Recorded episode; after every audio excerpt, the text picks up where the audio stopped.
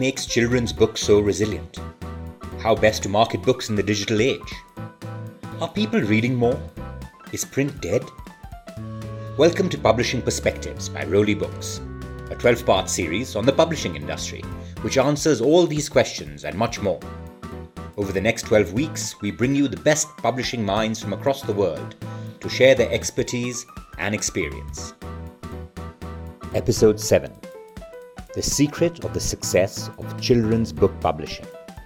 What has led to the continued success of children's books? Do ebooks do as well as the printed ones in the case of kids' books? How are literature festivals for kids going to be affected during this time? How are stories and books helping parents and child bond during the pandemic? Today we have with us Vatsala Kaul Banerjee is publishing director at Hachette India, where she looks after the children's and reference books division. She previously was with Puffin and has worked in the children's and YA space for Target, a children's magazine published by the India Today group through the 80s to the 90s. Belinda Rasmussen heads Macmillan Children's Books, a division of Pan Macmillan UK. Before this, she was with the Carlton Publishing Group and Egmont, where she held a range of senior roles. Sarah Odedina is currently editor at large for Pushkin Children's Books in London. She's been in publishing for over two decades, and most of the time in the world of children's books. She was publisher for Bloomsbury Children's Books for 14 years and was the founder of Hotkey Books, for Bonnier Publishing. Venkatesh M. Swamy set up exclusive children's bookstore Eureka in 2003 along with his colleague Swati Roy. Five years later, they came up with Bookaroo, India's first children's literature festival, which began in Delhi and has branched out to 15 more cities with 36 editions. The four of them will be in conversation with Sayoni Basu is co founder and primary platypus at Duckbill Books, an imprint of Penguin Random House India, where she is also consulting editor. Good evening and welcome to Roli Pulse, a digital initiative from Roli Books. I love the title of this session, The Secret of Success of Children's Book Publishing, because um, certainly for Vatsala and me, I think we've been searching for that secret for a very, very long time. And I don't know, well, I don't think I found it. So, the first thing I'd like to ask all of you, uh, ask the three publishers here at least, what for you is a successful children's book? And what is a successful list? Um, how do you judge it? By reviews, awards, sales? Uh, what would constitute a good sales track record in your market. Belinda, would you like to go first? Yes, I, think it's all of those really that you mentioned. It's sales, it's awards, it's the uh, it's the reach of the book. We, I think, as children's publishers, we really want to reach as as many children as possible and find find the right book for every child, ideally. Um, I always have to mention the the Gruffalo because the Gruffalo is our most successful, um, or one of our most successful properties, and certainly one of the most successful properties in the UK. And there, of course, you have a book that um, has had phenomenal reach, has been voted as the nation's favorite book. It's got a, a, a Oscar-nominated animation attached to it. It's sold into 84 different languages. We just cl- closed four uh, language deals in India.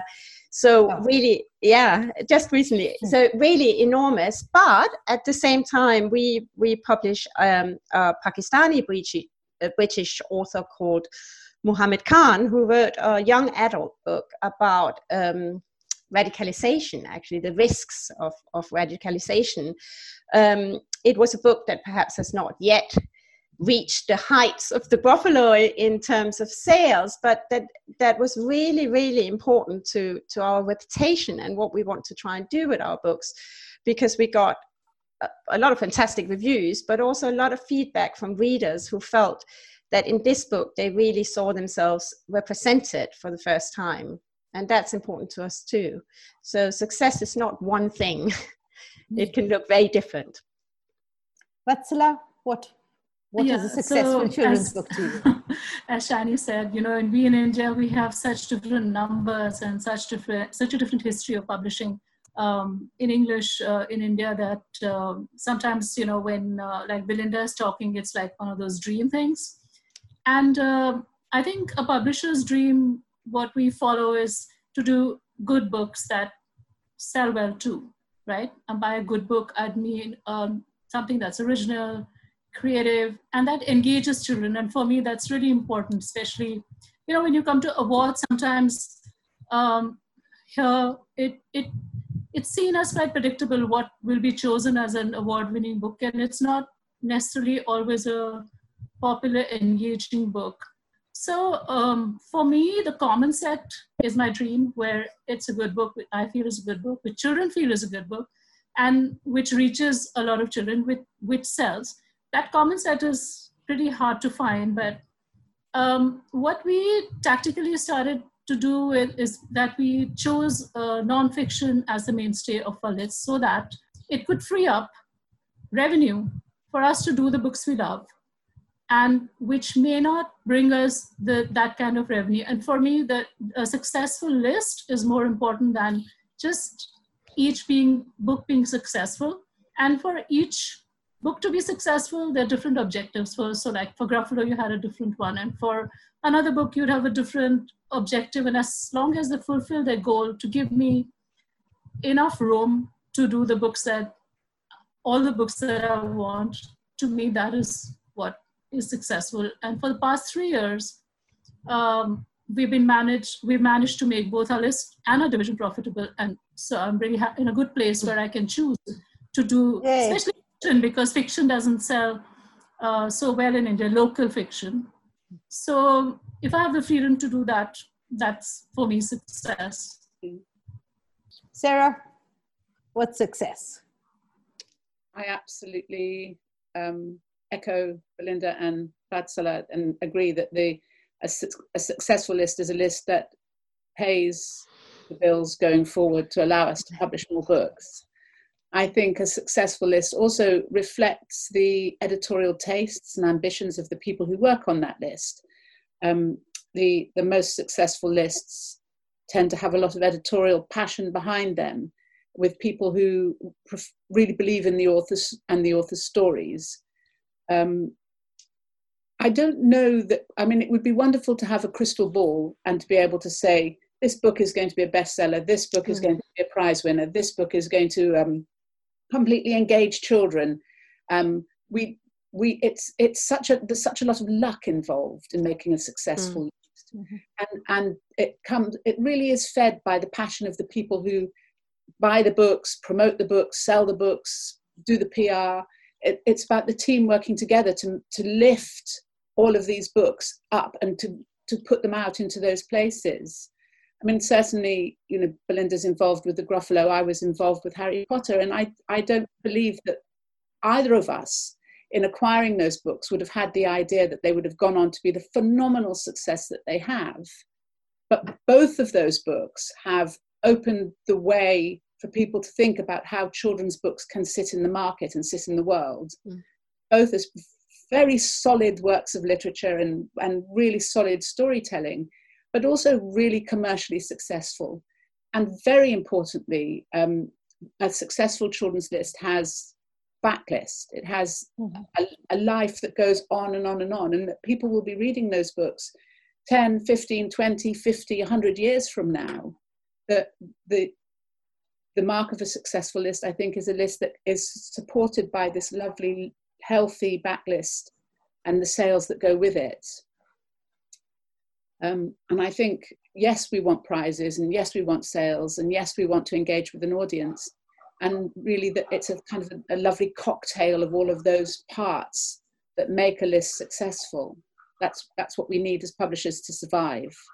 So, Venki, when you're picking um, authors for your festivals, how far is the success of a book a criteria in your selection of authors, or is it more a sense of give um, new authors a space? See, the two ways uh, uh, I look at it. One is when you talk about the success of a book, we used to run a bookstore so mm-hmm. a long time ago. And uh, for and soon again. Soon, hopefully, yes. And uh, for us, uh, the success would be if a mother or a father comes in with a child and picks out a book, and suddenly they sit down there and read the entire. If it's a picture book, it's a small book.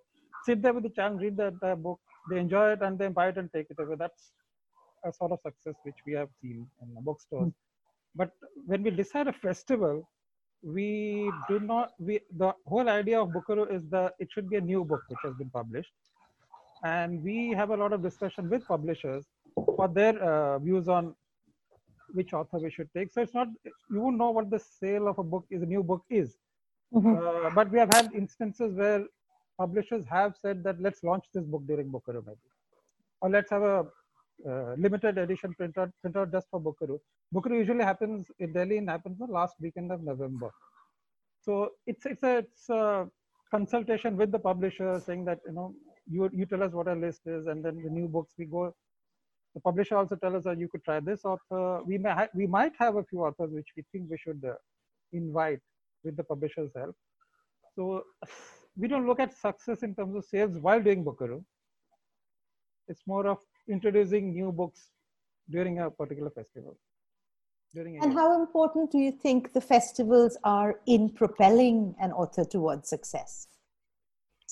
Uh, in terms of uh, getting children to know about them, certainly yes. In terms of sales, they have been good, uh, good sessions, good uh, sales, and uh, not so good ones. But does sales also sometimes depends on the session the author is doing. Uh, but it does not necessarily mean that the book it could be bad just because the session didn't mm-hmm. go off well. Mm-hmm. So for us, the biggest thing is after a session when 50 children rush to, into the bookstore asking for the author's uh, book it works, yeah. Does it vary according to city since you're now doing it in 15 different yes, cities? Yeah, yeah, it does. Uh, okay, uh, what we have done earlier, before 2017, we used to have every children's book under the sun displayed in the bookstore.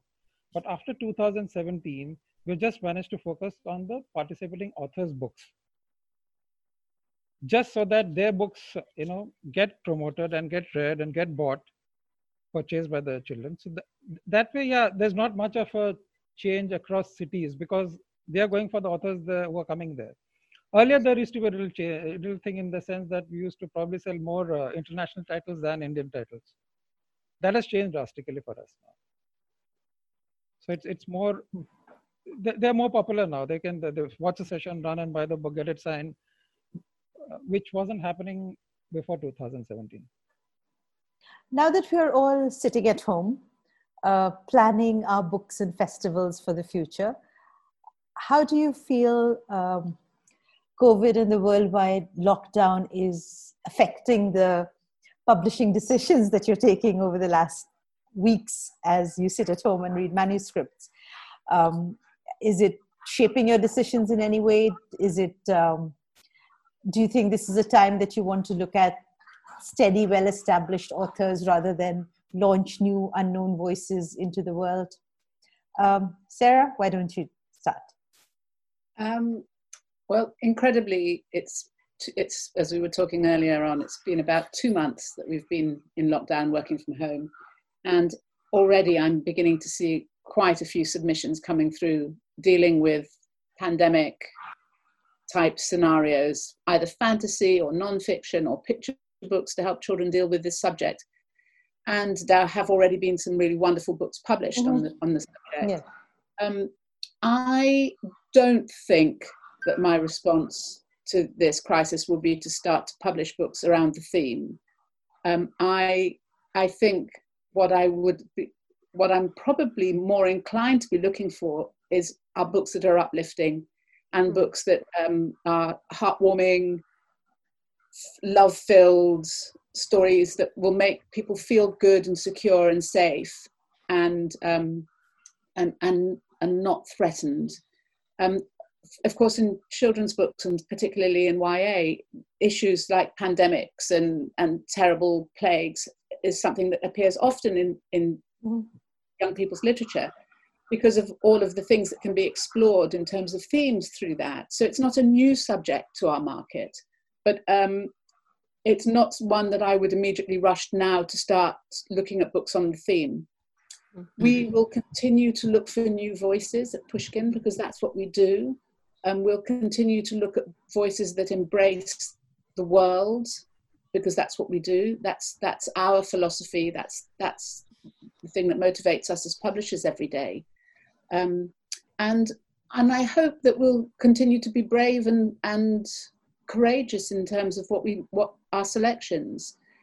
We I don't think we would be if the lockdown was to continue for a year, for example. I think we would probably think hard about launching a debut writer in this climate because it would be hard to get the profile needed to have that writer noticed. It, it's much easier to publish an established author in this climate.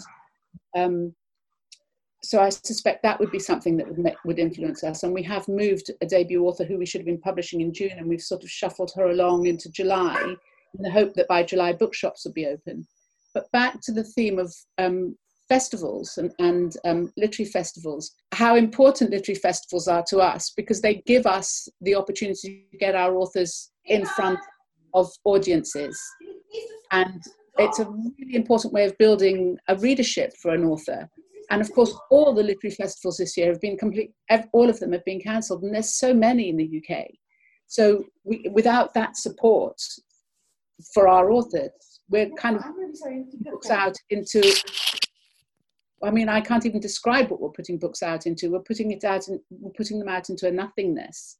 So I think a healthy publisher has to think about how we reach our audience at the moment, and without those, without bookshops being open, without literary festivals, without the ability to do visits around school book fairs, um, through visiting schools and doing events in schools, we're, we're, we're kind of, we're, we're slightly um, in, inhibited in all, all of the things that we can do.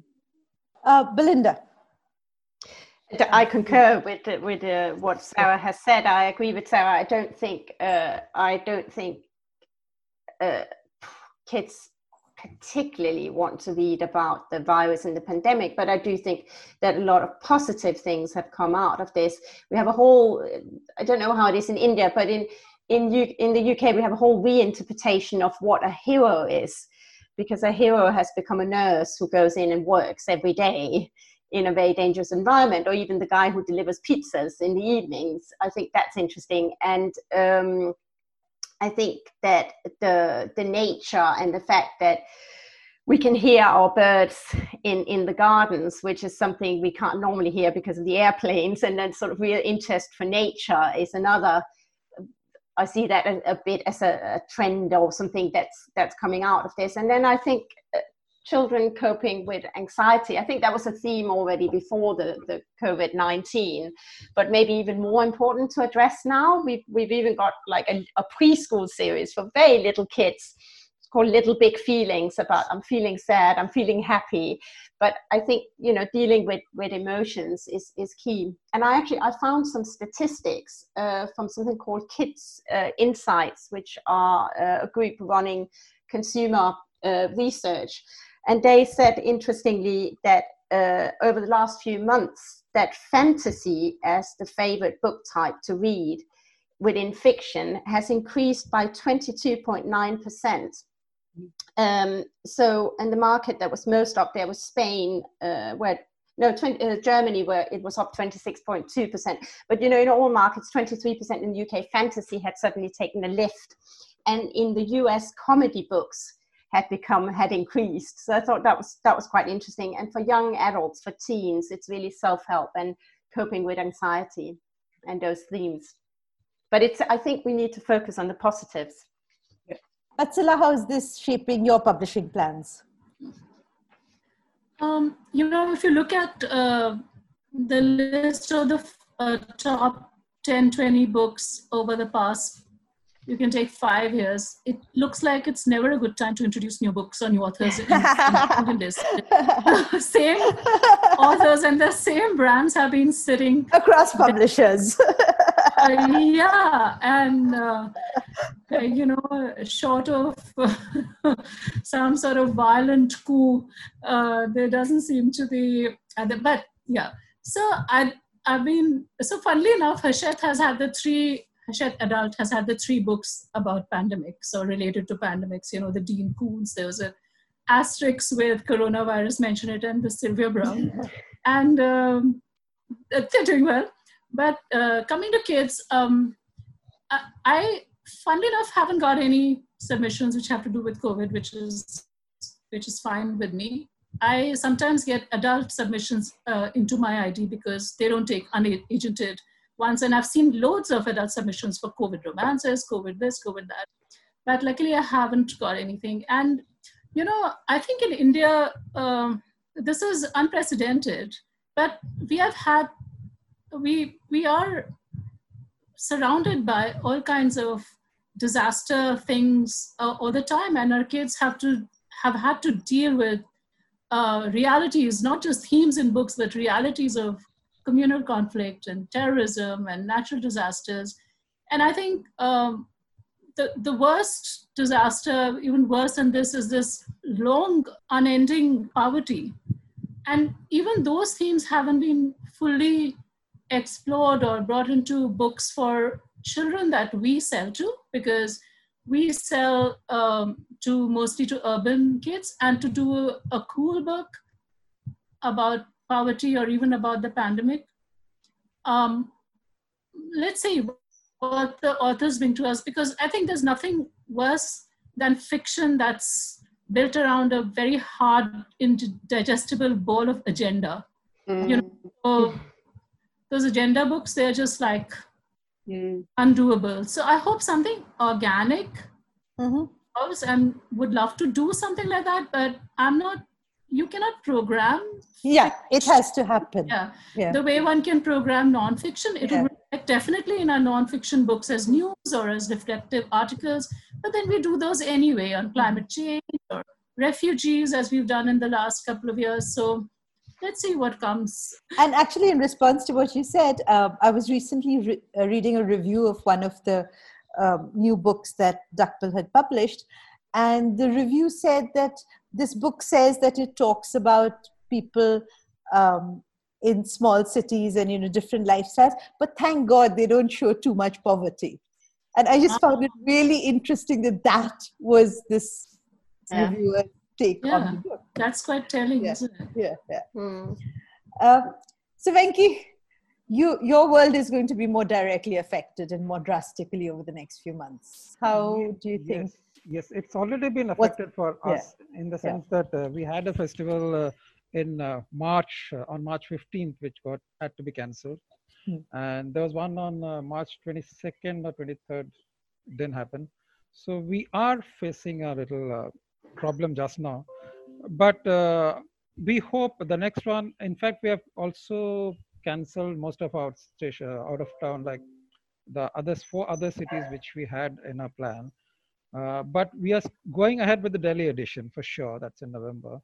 And we hope uh, it happens in the sense, see, the biggest problem any festival I think faces is uh, the funds. Mm-hmm. So, and uh, we have been struggling all along for funds, but this year, this one, because of the COVID thing, it seems even worse for us. Uh, but we are not planning to scale it down or, you know, we are hoping to get support from, which we have got all these years from publishers. And uh, we'll have to tweak a little thing here and we may not be able to get many international authors. We may not be able to like, you know, fly in people from mm-hmm. Uh, outside Delhi but we are keeping an open mind. It's uh, still five months to go, and uh, yeah, we are badly affected. And uh, Bookaroo is never been ticket- ticketed, so that's another big reason uh, funds uh, are the crunch for us just now. And more importantly, this year, this year would be the fact that how do we get the children together? Will, the, will can we let them like you know meet each other? Can we can they be close to each other? questions we don't have answers to just now. That that that's that's weighing heavily on our minds just now uh, at the hmm. moment. But we we uh, Indians as Indians we seem to be immune to so many uh, diseases. So maybe we hope that the herd immunity takes over and we are okay by November.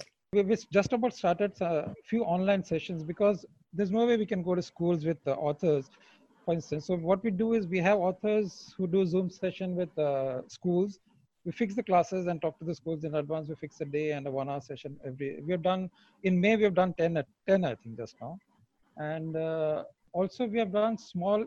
We have a concept called Bookaroo Lit House, so where we have authors, uh, illustrators, storytellers. They come in and do an hourly session with people. So the, uh, like tomorrow we have one with Ajit Narayan, which is a cartooning uh, workshop. So all these are we have made them paid you know, so that we can also pay the speaker. For the main festival, going online is a possibility, but it's very tough since uh, it involves technology and we make sure that everything works perfectly, the audio, video. Uh, but we have plans for a semi-online thing before the Delhi festival. We, we are trying to think of the best way to do it.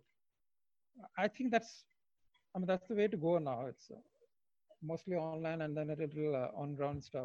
For instance, when we we our bookstore, for instance, we closed down in 2014, but uh, and we are, we now plan to open it uh, this year. We start we thought we'd go and give it another chance, and everything was ready, but this uh, coronavirus happened and we'll stop all the work there. So our tentative opening was on April 15th, which never happened. So now we everything is limping back to normal, but we are just going in with the with the hope that if books, if the people don't come, we'll do it online. But the bookstore has to be there for somebody to walk in and see what the bookstore. It's we had a lot of you know what do you call withdrawal symptoms when we closed down the bookstore for six years, mm. which is why we are coming back with the bookstore. But it's hope. We are running on hope just now. We need hope very badly. Yeah. Uh, so.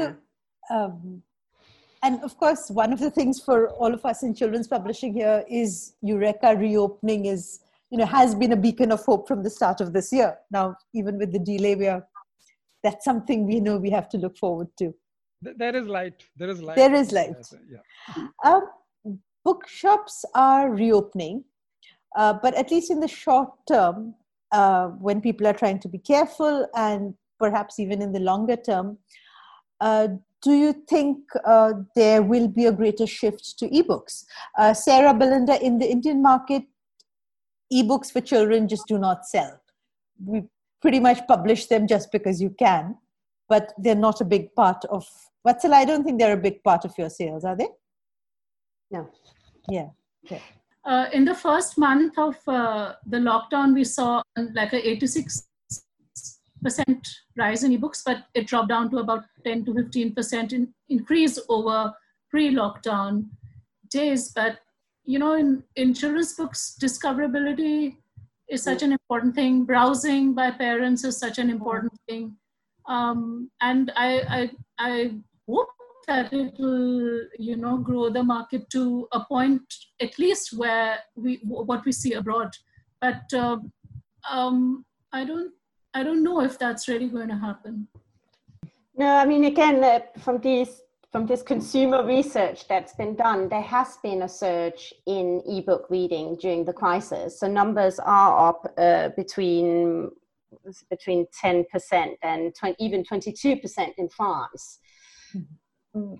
But what we don't know is does that have to do with, uh, well, certainly the crisis and more children are reading more as well so that's good that's that's mm. been demonstrated as well but it may also just be that ebooks are easier to access right and easier to get to and that might mm. be affected by the crisis I, I think there's always, um, for me, there's always two forces going on there. There might be a surge in ebooks now because they're easier to get mm-hmm. get hold of, but I still think it's always against that thing that most parents just want to get their kids off screens Mm. True. Right. You yeah. don't really, and and and particularly like during this period where you know they're they're on screen to to do their schoolwork, and mm. then you let them go on screen to play their games because you have to work.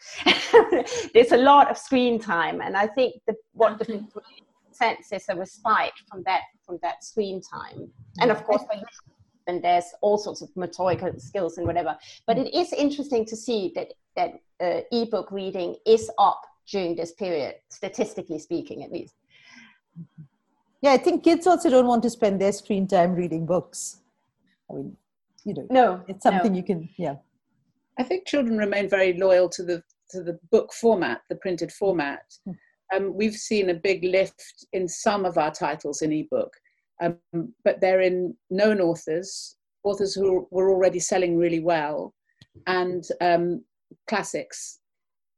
Um, new authors, it's it's really very very hard to get to have people, as um, Vatsala was saying, to have people realize that the books are even there. Um, I think one of the interesting things that's been happening here is to look at the way that certain retailers are thinking about how to get books to children and to adults, um, because um, bookshops have been closed. So Waterstones.com, they've seen a really extraordinary lift in sales, and their website has, I think, improved vastly in the last couple of months in terms of how they actually promote books. And then local booksellers, I, I live in an area where not terribly far from where I live, there's two or three really good bookshops. And I can email them or talk to them on Instagram or through Twitter and say, I want a copy of this book. And they order it and they, they deliver. Mm-hmm. Like somebody comes around mm-hmm. on his bike and stuffs it through the letterbox. Um, and I found that really reassuring that retailers are actually thinking about how they remain engaged with their audiences. Mm-hmm. And of course, authors themselves are working so hard on social media to have people remember that they're there. Yeah. And they're Yeah. doing so much. They're reading, they're posting parts of their work, they're doing um, events for children through schools. They're really working tirelessly during this time. So while we have seen a lift in some authors for ebooks, we've also seen an innovative approach to how we can continue to sell print books to people. I mean, we've seen a phenomenal wealth of create. I'm really glad you mentioned that, Sarah, because we've seen a, a phenomenal wealth of creative material online from our authors and Mhm. illustrators. They have been so inspiring, and so they they like from the day of the lockdown, they just started posting, and to the extent that we're actually signing people up from things they've done what fun! yeah, yeah, yeah. Because the, the levels, the levels of creativity are Mhm. astounding, and I think it's really been such a.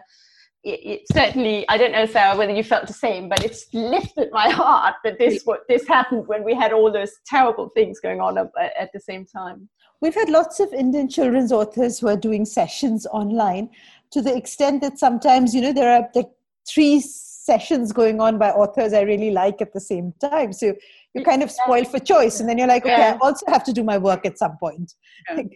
Can't Well, walk. on the on the positive side, like from Kerala, uh, we've got news that you know the bookstores have as much as seventy five percent of their uh, buyers back, but there are other areas where it isn't um, that good. And uh, right now, the supply chain is completely uh, in a shambles. Mm. So that is the problem. That even if you do want a book and the bookstore will deliver it to you, home deliver it to you, the book may not be in the store and it's so difficult to procure it from there.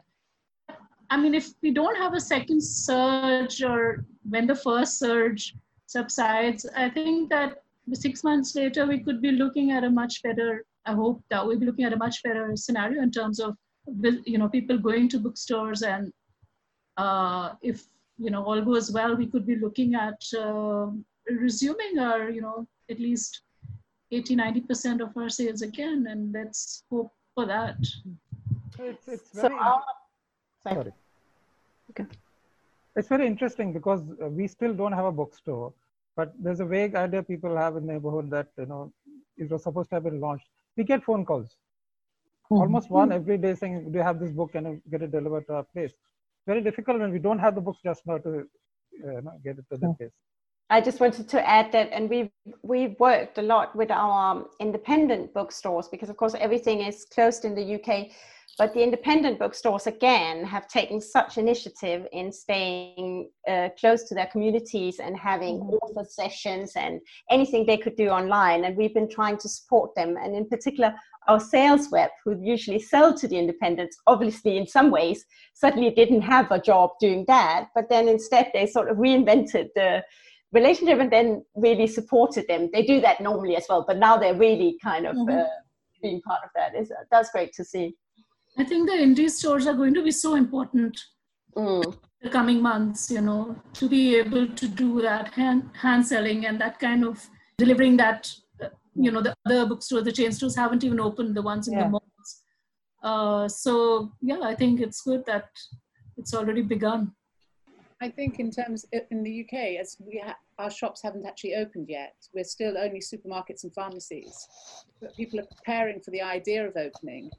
And um, yesterday, I was reading something about Waterstones, which is our main chain now in the UK, thinking about how they can open to the public again. And one of the thing, one of the ideas, one of the concerns is what will they do with all the books that people have gone in and handled, and put where are they going to what are they going to do with them? Are they going to disinfect them? Are they going to take them out of stock for a while and then put them back in a few days later? There's huge logistical problems. So for the small independents who actually don't have to open their doors particularly but to, who can communicate with local people in terms of what they can get for readers locally they this could be um, a point of advantage for them. Because I, I can't imagine myself as a confirmed book buyer heading off to a large shop in Piccadilly to wander around with lots of other people at the moment, potentially lots of other people at the moment, touching books and looking at things. I mean, even when we go into supermarkets, we're told not to touch things, just take down off the shelf the thing you want, don't browse. And, and that kind of defeats the purpose of, of a physical bookshop in a way. I think in every crisis you see an opportunity arise, um, and I think what we have, we perhaps we have a little bit estim- underestimated what digital and online could do. Yeah. We we had a um, online poetry session for our children. We, we also do we're number one children's poetry publisher, but it was something like poetry to feed your soul or something during the crisis. We had over hundred thousand people engaging with Oh, that. wow. I Wow. mean, we were like, what? What is this? And and I thought it's great, isn't it? Because I think you know, there's always an opportunity arise. There always you learn something new. And the return of poetry is a great beacon of hope. Return poetry has been, you know, surging, amazing. And you may not have done that initiative if it Yeah. weren't this, and you wouldn't Exactly. have known that there were that many people ready to um, engage. Engage, engage. Yeah. I think the thing for me is that stories, books, stories are things that unite us as people. And COVID has slightly driven us apart. Slightly, I mean, it has Physically. mentally driven us apart physically. But stories are ways of us staying in touch with un- one another and building bridges with one another. And um, I think there's been a lot of book clubs. There's been a lot of people who have, are reading the same book with their friends and meeting on Saturday night on Zoom and having a glass of wine and talking about that book and using the story as a way of reconnecting. And something that I do personally is I have two grandsons in in Los Angeles, and about two or three times a week we have a lovely hours and hours on FaceTime together to give their mother a break. And I we do all sorts of things, and one of the core things is reading. And I was just Oh, making nice. note of all the books that we've read in the last two months. And we've read about six or seven novels, and we've read very funny contemporary things. We've read poetry, we've read Philippa Pearce, and they they just get so much out of it. But I know they get a lot less out of it than I do, which is sharing this wonderful thing that we care so much about, and even through a screen can connect us. Hmm. And stories do that, and they will always do that, and there'll always be a place in the world for stories, because they that's their fundamental role in a way. They they connect us all.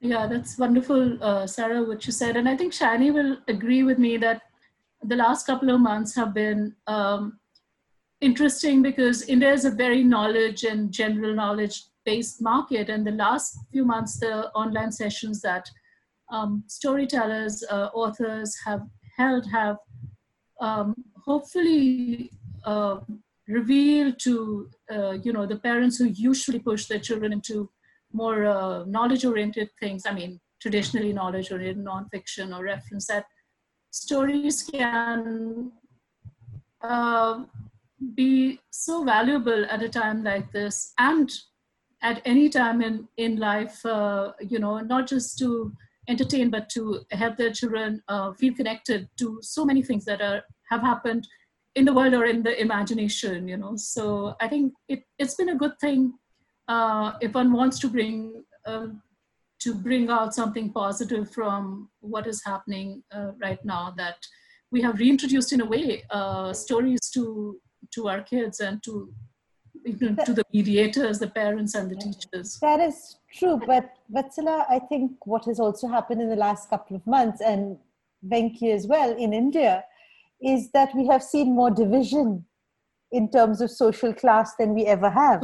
And yeah. as children's book people, we really have to try to work to bridge that, which again, because we work primarily in an English language publishing environment, um, I think those bridges are going to be very challenging for us to build. And I mean, right now, it's almost beyond imagination what we can do. Hopefully, with time, we'll be able to figure mm. some. Yeah, those you know, just from just from our access to to something like this, you know, those those divisions are born of this of access, of lack of access yeah. to even a, a, platform or to books or to school yeah. at the moment you know so hmm. yeah those are big things that we need to communicate one thing that's happened in the UK that's also given us as publisher publishers a slightly different role is that we've been working really closely with the BBC and the Education for the Department for Education um, because of home various homeschooling sites where they have needed material and mm-hmm. things, and we we really engaged with that and felt such a you know it's so great to be part of that greater course and that that that was a new new development but also a way to get books up there actually in a slightly different way. I think the best uh, thing which has happened during covid the good news is that it's got a lot of people together the booksellers the publishers the authors the illustrators everybody the content creators uh, closer together i think. You just look at facebook just look at what's happening there what people are doing together it's never, mm. I haven't seen this before. So we normally have like if somebody asks us for permission to use something, we have a whole process and a mm-hmm. system on it. But during this period, we just say like, "Yes, great, take it," you know. but hey, I mean, it's much better, isn't it? It is. Oh, our things yeah. are fine, and we saw them, and I had friends texting me that they had used the book with their child. You know, so I, I, I have felt more coming to, uh, physically coming apart, but mm. psychologically coming together in a way, spiritually coming together. Actually, I read one story on social media, which is like Sarah and her grandchild, uh, grandchildren, which is this mother and her 14 year old son uh, had to be, uh, were in lockdown in different places. And because the lockdown was announced at short notice, they couldn't get back together. So the mother called uh, the son every evening and read to him for an hour uh, a, a, book by Siddharth Sharma, uh, Sarah. Okay, yeah. and, and, it was um, it was amazing because they both wrote about it and the child wrote a review about it. But the whole idea of books books being the only thing which connected the mother and son and yeah. their thoughts on it was incredibly moving. I think in that situation as well, it's so important because if, if you talk, you know, when I talk to my sister on the phone, it's like, what have you been doing? Nothing. What have you been doing? Nothing.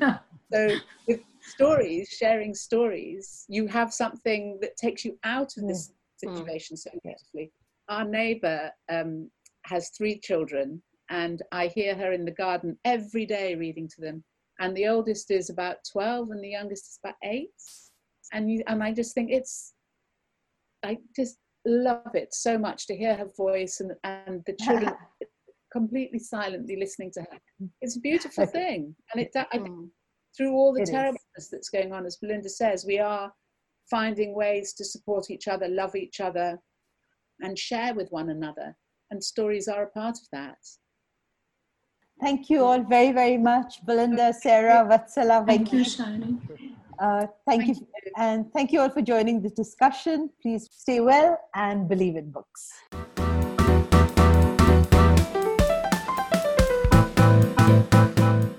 Thank you for listening. If you enjoyed this episode, subscribe to Publishing Perspectives. Follow Roli Books on Twitter, Facebook, and Instagram, and give us feedback. We would love to hear from you.